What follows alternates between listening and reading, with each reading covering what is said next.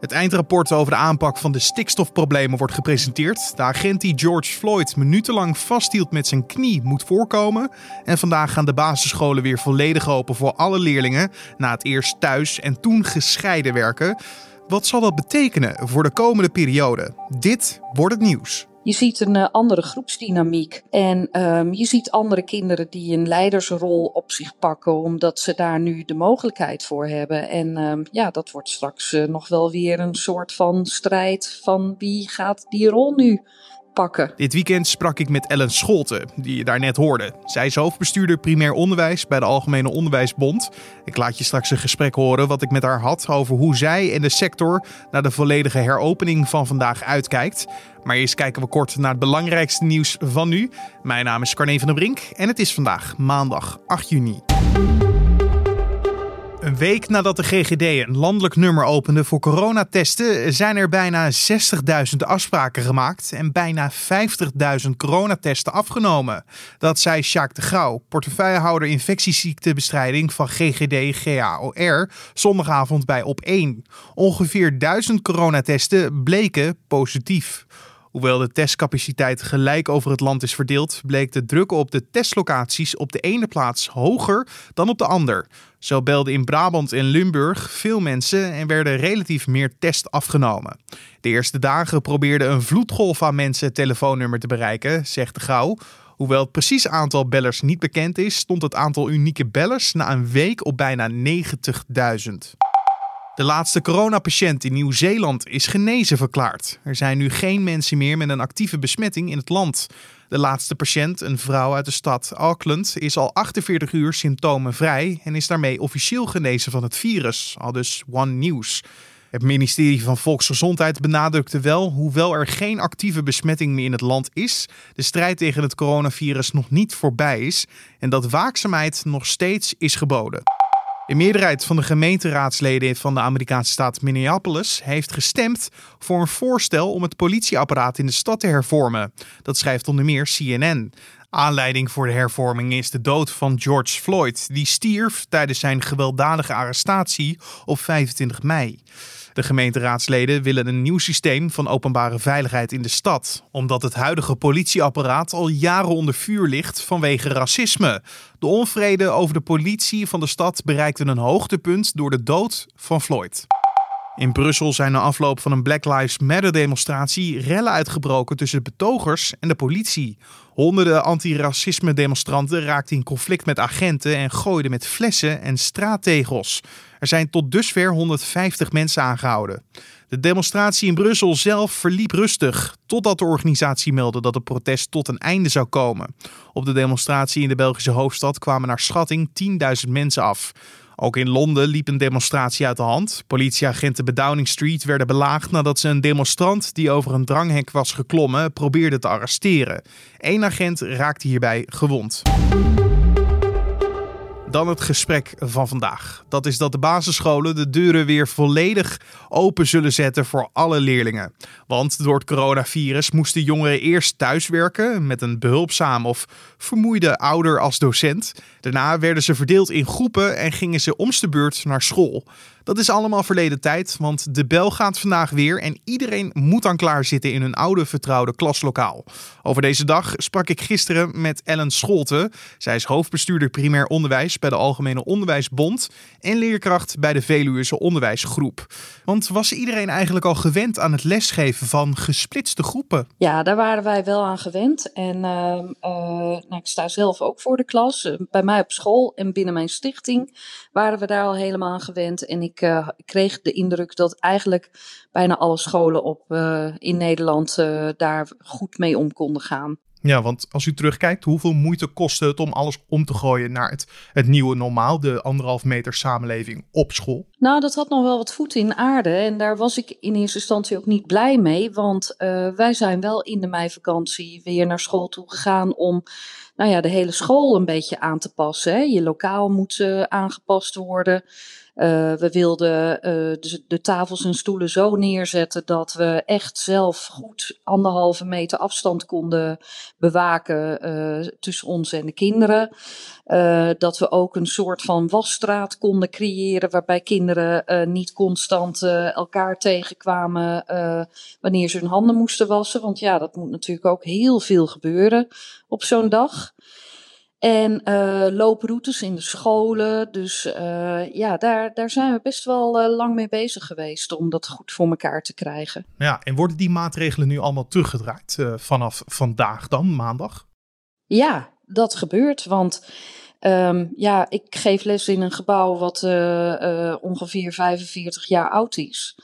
En uh, dat gebouw dat is uh, niet, dat heeft geen grote klassen. Dus uh, wij zullen gewoon alle tafels en stoelen weer terug moeten zetten op de plek waar ze voor de coronacrisis stonden.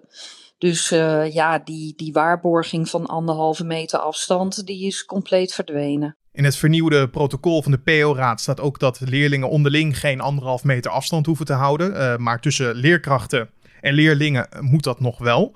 Uh, maar toen u het hoorde dat de scholen weer volledig open zouden gaan voor alle leerlingen uh, per groep, uh, hoe reageerde u toen? Nou, ik baalde er een beetje van. Ik had zelf de hoop dat we het tot aan de zomervakantie zo zouden houden. Um, en dat had ja, ook te maken met het feit dat je nu gewoon met kleinere groepen toch wat meer aandacht kunt geven aan kinderen die, uh, die je daarvoor niet kon en die we vanaf morgen natuurlijk ook weer niet kunnen geven. Maar was dat een reactie die u ook bij andere uh, vakgenoten hoorde? Ja, um, er is een enquête geweest uh, van de AOB, waarbij we onze leden hebben opgeroepen om te reageren vooral. En daar merkte je aan dat het merendeel van mijn collega's aangegeven heeft van laten we het vooral nu zo houden. Uh, omdat dit ook enigszins nog de, de veiligheid van onszelf uh, weet te waarborgen. Maar waarbij we ook gewoon veel beter oog en oor kunnen hebben voor uh, de kinderen in de klas. Maar heeft dat ook mee te maken dat um, ja, het feit dat, dat het nu weer omgedraaid wordt, dat het voor sommige scholen vier weken voor de zomervakantie gebeurt en ja. voor anderen zes weken voor de zomervakantie gebeurt? Ja, ja, het is inderdaad een periode van vier tot zes weken.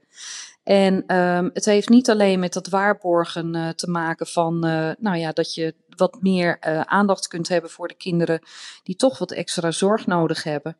Maar het heeft ook te maken met het feit dat je nou weer twee groepen bij elkaar plaatst die eigenlijk 10 tot 12 weken niet uh, met elkaar in één klas hebben gezeten.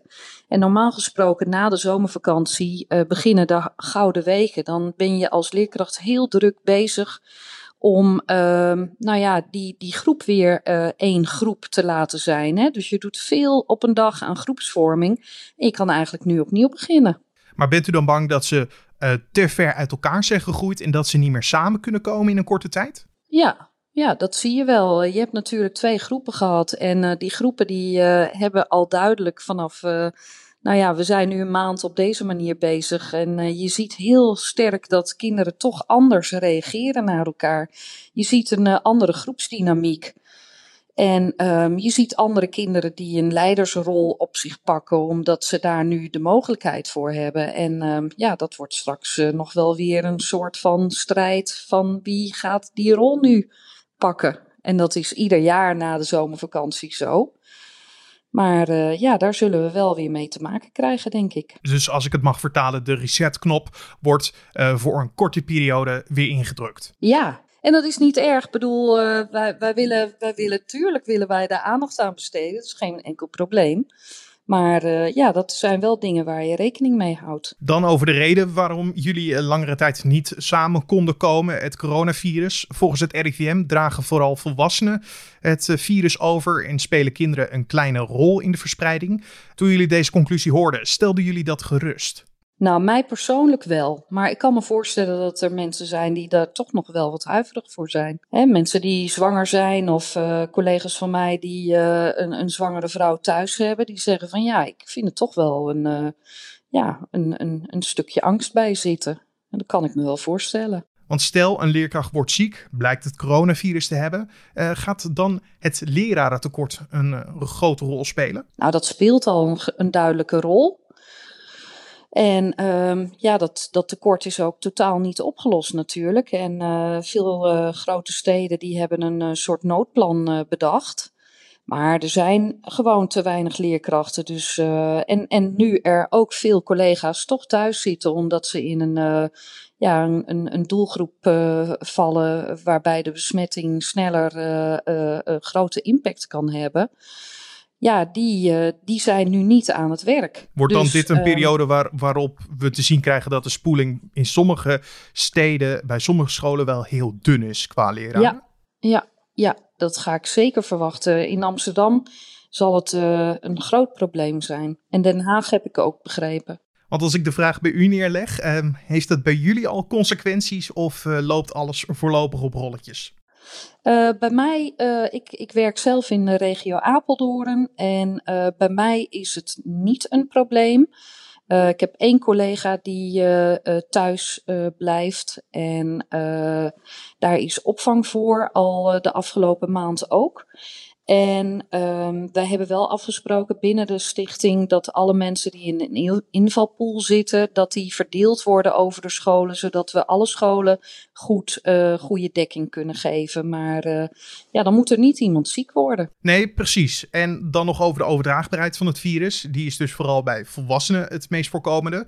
Uh, daarmee lijkt me dus ook gelijk een oproep aan alle ouders om de kinderen zelf naar school te laten gaan. Ja, wij hebben aangegeven dat uh, ouders niet op het schoolplein mogen komen en niet in de school. En uh, daar houden ze heel goed rekening mee.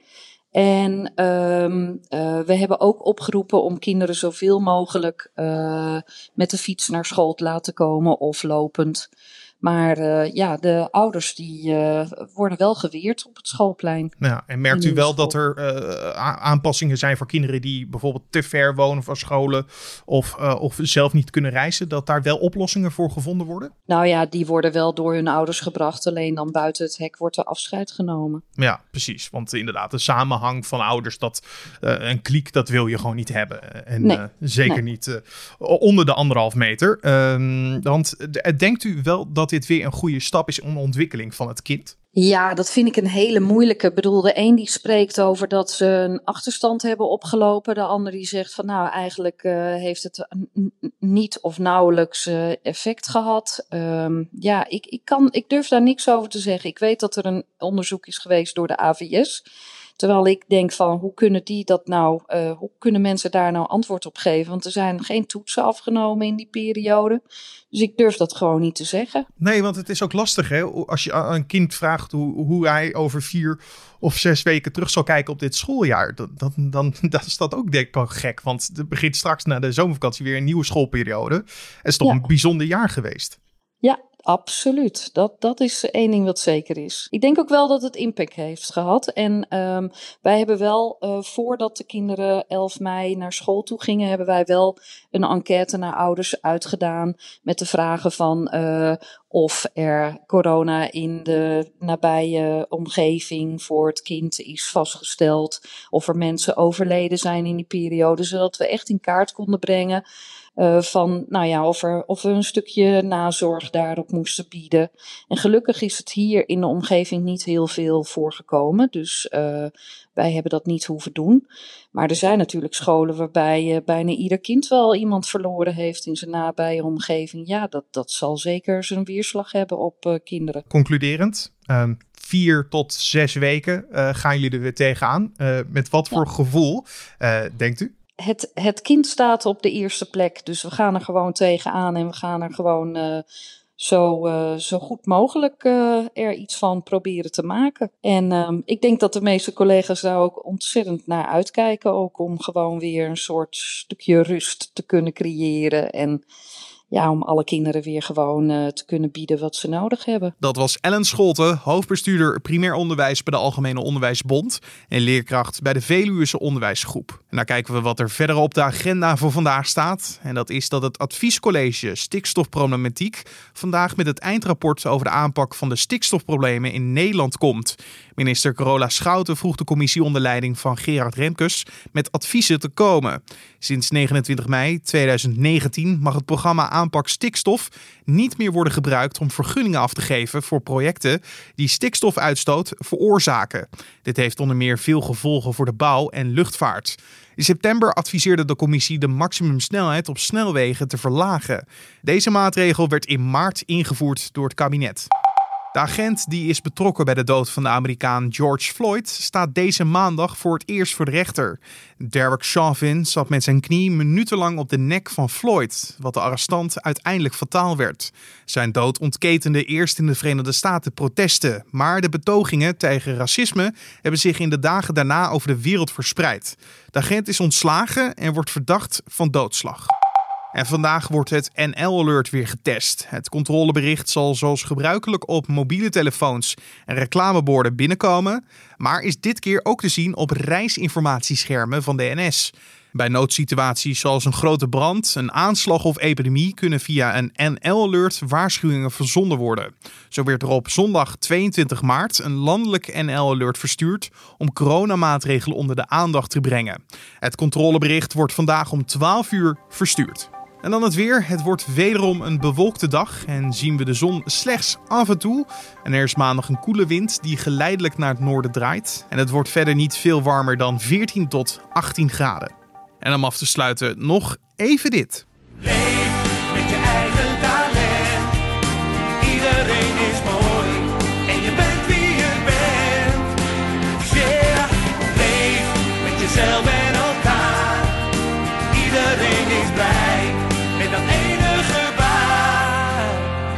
Misschien herken je het al. Big Brother. Ja, het programma gaat na jaren van afwezigheid terugkeren op de Nederlandse televisie. Dat bevestigt RTL Zondagavond en RTL Boulevard. Wanneer het programma weer te zien gaat zijn, is echter nog niet bekend. De moeder alle reality soaps werd van 1999 tot 2006 uitgezonden op de Nederlandse televisie. In het buitenland is Big Brother nog steeds populair. Zo wordt het momenteel nog uitgezonden in onder meer Duitsland en Amerika. In het programma moeten negen kandidaten 100 dagen samen in een huis doorbrengen. Ze zijn afgesloten van de buitenwereld en ze worden dag en nacht gevolgd door camera's. Degene die het langst overblijft en verschillende nominatierondes heeft overleefd, krijgt uiteindelijk een geldprijs. En wie weet kunnen we er weer binnenkort van genieten. Dit was dan de Dit Wordt Het Nieuws podcast voor deze maandag 8 juni. Je kan ons helpen door feedback te sturen naar podcast.nu.nl. Dat is ons mailadres, podcast.nu.nl. Of als je een vraag hebt voor ons, iets wat onduidelijk is... of eh, iets wat we voor je kunnen uitzoeken bij nu.nl... of iets wat wij maken of doen... Laat het vooral weten via ons mailadres podcast.nu.nl. En je kan ons altijd verblijden met een recensie via Apple Podcast. Want zo help je andere mensen weer deze podcast makkelijk te vinden. Dus een recensie via Apple Podcast of een feedback of vragenmailtje naar podcast.nu.nl. Mijn naam is Carne van der Brink. Ik wens je een hele mooie dag. En hopelijk luister je de volgende podcast ook weer. Dus tot dan.